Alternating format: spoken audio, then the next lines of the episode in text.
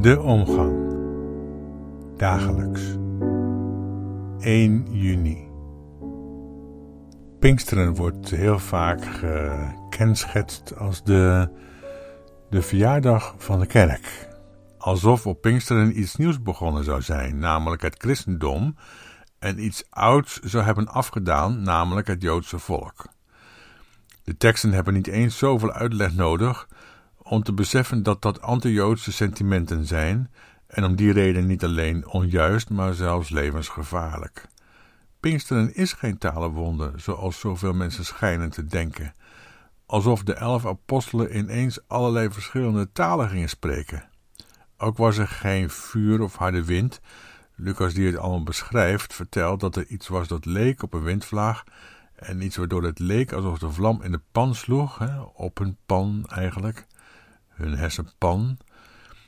Nee, wat was er te horen? In de vertaling staat er een mededeling die enige verheldering behoeft. En zij werden allen vervuld met de Heilige Geest en begonnen met andere tongen te spreken, zoals de Geest het hun gaf uit te spreken. Uit te spreken. Het Grieks dat daar staat, heeft een woord dat maar heel weinig voorkomt: apophthegomai. En dat betekent niet uitspreken of zo, de woorden van een vreemde taal uitspreken. Het betekent toegespitst spreken.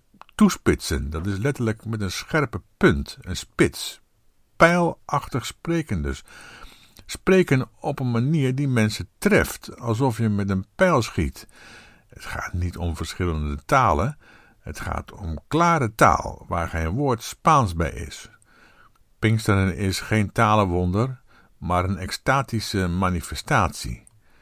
En wij kunnen dat wat hier aan de orde is alleen maar begrijpen wanneer we begrijpen waarom Lucas onmiddellijk een verhaal vertelt over Ananias en Safira, die een akker hebben verkocht en dan willen meedoen in die extase, maar ondertussen een gedeelte van de opbrengst voor zichzelf hebben gehouden en vervolgens dood neervallen.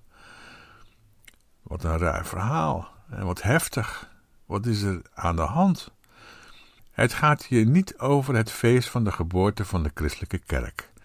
Bedoeld is het wekenfeest, een Joods feest, Shavuot geheten, en dat werd gevierd op de vijftigste dag na Pesach, na Pasen.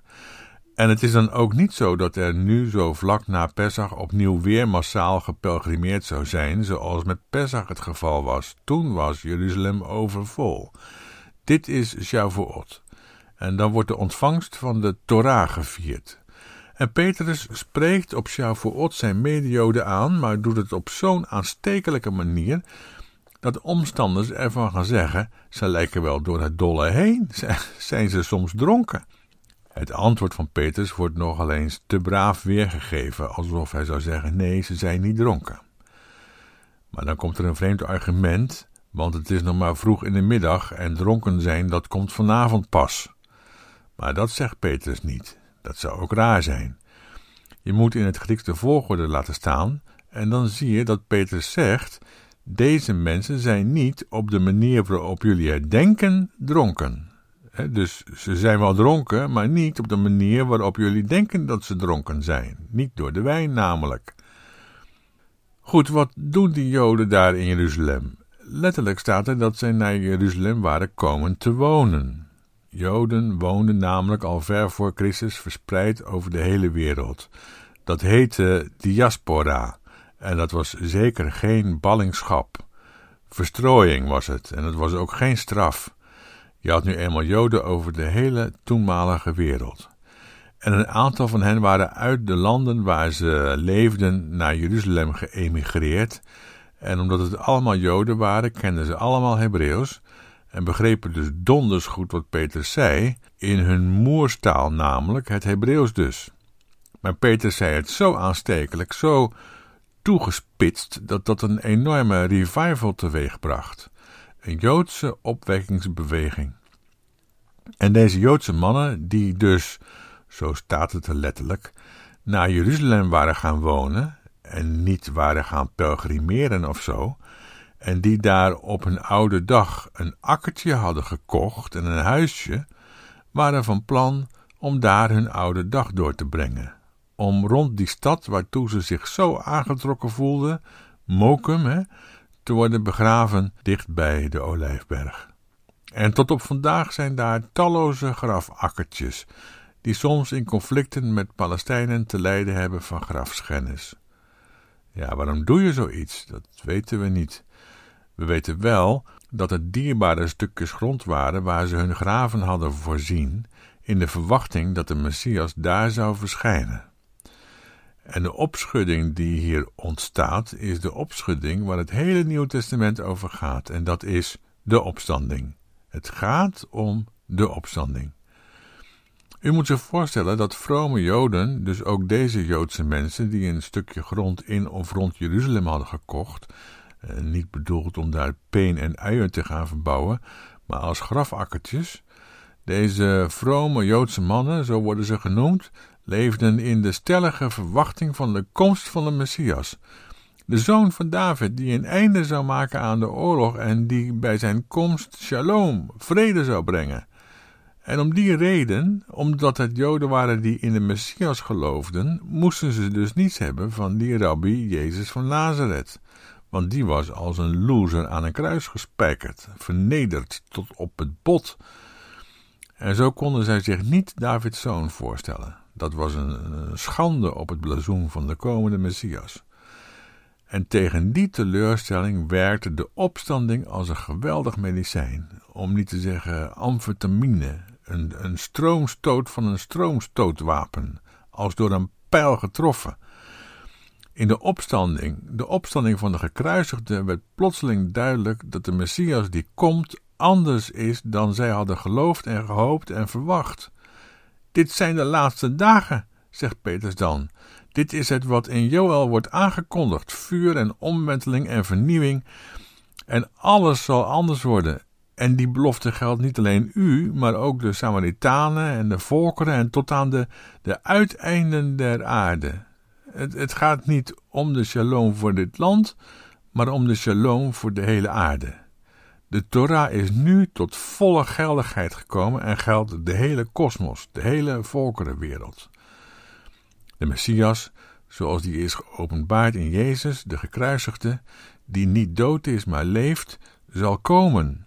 Komen. En het wordt dus niet de eindeloze strijd van Israël tegen de volkerenwereld, maar het wordende en komende Messiaanse Rijk vindt zijn fundament in het tot verzoening zijn gebracht van Jood en Griek, in het kruis van Christus, de opgestane.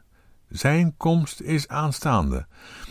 En dat getuigenis van de opstanding veroorzaakte zo'n enorme opschudding dat ze besloten om, om het meest dierbare dat ze hadden, die stukjes grond, te verkopen. Omdat in de Torah staat: er zal geen arme of behoeftige onder jullie zijn. Omdat het koninkrijk der hemelen, de Malkut Hashemayim, komt, gaan we daar vast tekenen van oprichten. En zo is het te begrijpen waarom Lucas een verhaal vertelt over een zekere Ananias en zijn vrouw Safira. Je hoeft namelijk niet mee te doen aan het oprichten van tekenen van het komende Messiaanse Rijk van Vrede. Maar als je dat doet, dan moet je er niet mee sjoemelen en chageren. Zo van uh, alles goed en wel, maar uh, wel even uitkijken, hè? want uh, of het werkelijk wat voorstelt valt nog te bezien. En dan moeten we wel iets hebben om op terug te kunnen vallen. Dus mondje dicht, afgesproken. En als Safira komt vragen waar haar mantel blijft, vraagt Petrus nog een keer: Is dit het bedrag waarvoor je het akkertje verkocht hebt? Ja, dat is het hele bedrag. O, de voeten van hen die een man uit hebben gedragen zijn alweer vlakbij. Jullie hadden het toch helemaal kunnen houden, maar nu doe je afbreuk aan het enthousiasme van het werk van de geest. Nu maak je er weer een berekend zaakje van. Opportunisme, nuchter.